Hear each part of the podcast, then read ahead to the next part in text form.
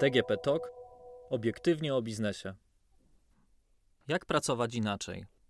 Na czym polega turkusowe zarządzanie? Czy da się zrezygnować z hierarchicznego zarządzania firmą? Czy możemy zaufać pracownikom, zamiast stale ich kontrolować i wywierać na nich niepotrzebną presję? Dowiedz się, czy lepsze zrozumienie drugiego człowieka przyniesie pozytywne efekty w Twojej organizacji.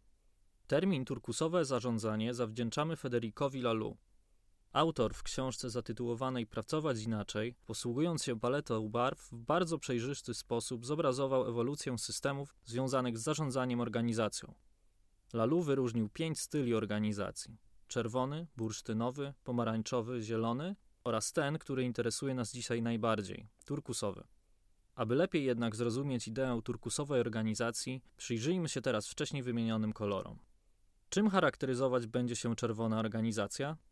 Panuje w niej bezwzględne posłuszeństwo wobec szefa, który posiada despotyczny charakter. Tego stylu zarządzania nie powinniśmy jednak spotykać we współczesnych firmach. Jest on bowiem charakterystyczny dla struktury, jaką jest mafia czy gang.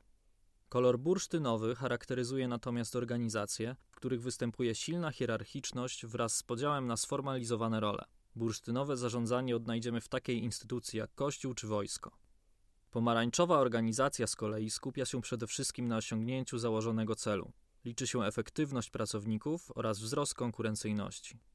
Kolor zielony można przypisać większości funkcjonujących obecnie firm. Zielona organizacja będzie motywować pracowników, stawiać na wzajemny szacunek oraz równość. Ciągle mamy tutaj jeszcze do czynienia z hierarchiczną strukturą oraz delegowaniem zadań do poszczególnych pracowników. Skoro poznaliśmy już główne cechy poszczególnych form organizacji, nie zostaje nam nic innego, jak przyjrzeć się bliżej kolorowi turkusowemu. Spróbujmy jednak wcześniej zresetować nasze dotychczasowe doświadczenia związane z organizacją pracy w firmie. Idea turkusowej organizacji według Lalu nie ma bowiem nic wspólnego z omawianymi wcześniej formami zarządzania. Zacznijmy od celów, które stawia sobie turkusowa organizacja.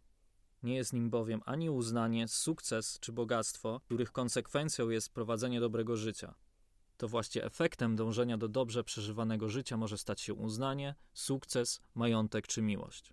Brzmi utopijnie? Uwaga, nie przeszliśmy jeszcze do konkretów.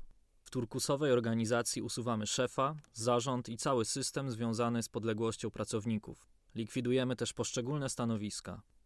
Zastanawiasz się teraz, jak pracować w organizacji, w której nie istnieje hierarchia? Należy zaznaczyć, że jej brak wcale nie oznacza braku struktury w firmie. Turkusowa organizacja nie skupia się bowiem na zarządzaniu ludźmi, lecz zarządzaniu procesami. Firma nie narzuca swoim pracownikom ról, które muszą wykonywać, lecz definiuje je na bieżąco w zależności od aktualnych potrzeb. Oznacza to, że ludzie pełnią poszczególne funkcje, a nie zostają na stałe przypisani do konkretnych stanowisk. Z tego właśnie powodu turkusową firmę nazywa się często żywym organizmem, który dostosowuje się do aktualnych potrzeb. Brak stanowisk i podległości hierarchicznej nie zwalnia jednak pracowników z odpowiedzialności. W turkusowej firmie pracownicy mają jednak wysokie predyspozycje do autokontroli. Z tego powodu konieczne jest zlikwidowanie systemów weryfikujących czas wykonywanej pracy, czy chociażby listy obecności. Według Federica Lalu prawdziwa turkusowa organizacja musi opierać się na trzech filarach. Pierwszym z nich jest samo zarządzanie i dzielenie się wiedzą. W praktyce oznacza to po prostu zniesienie hierarchii i relacji zależności pomiędzy pracownikiem a pracodawcą. Przestaje on być zwierzchnikiem, a staje się mentorem.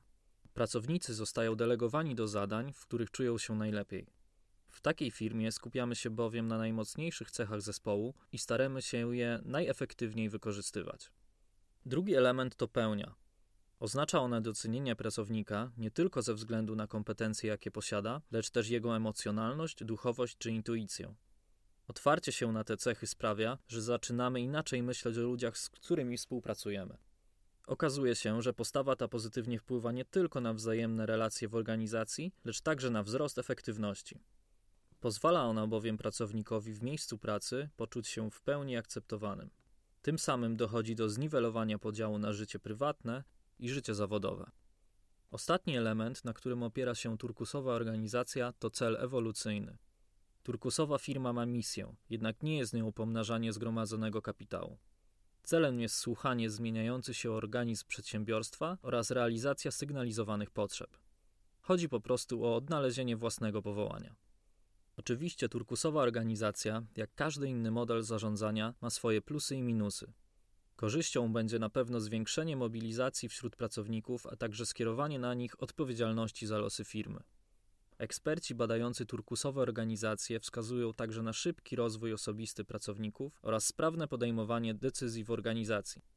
Zaletą okazuje się także elastyczny czas pracy i ukierunkowanie na osiąganie wyników. Największą wadą turkusowej organizacji okazuje się natomiast rozmycie odpowiedzialności za podejmowane decyzje, a także trudność z określeniem wizji rozwoju firmy. Minusy te przekładać mogą się na organizacyjny nieład oraz trudność z weryfikowaniem efektywności pracowników. Jeśli jednak zastanawiasz się nad reorganizacją pracy w swojej firmie i akceptujesz pogląd, zgodnie z którym ludzie dokonując wyborów sami przydzielają sobie zadania najlepiej dopasowane do ich indywidualnych umiejętności, to jesteś na dobrej drodze do wprowadzenia elementów turkusowego zarządzania.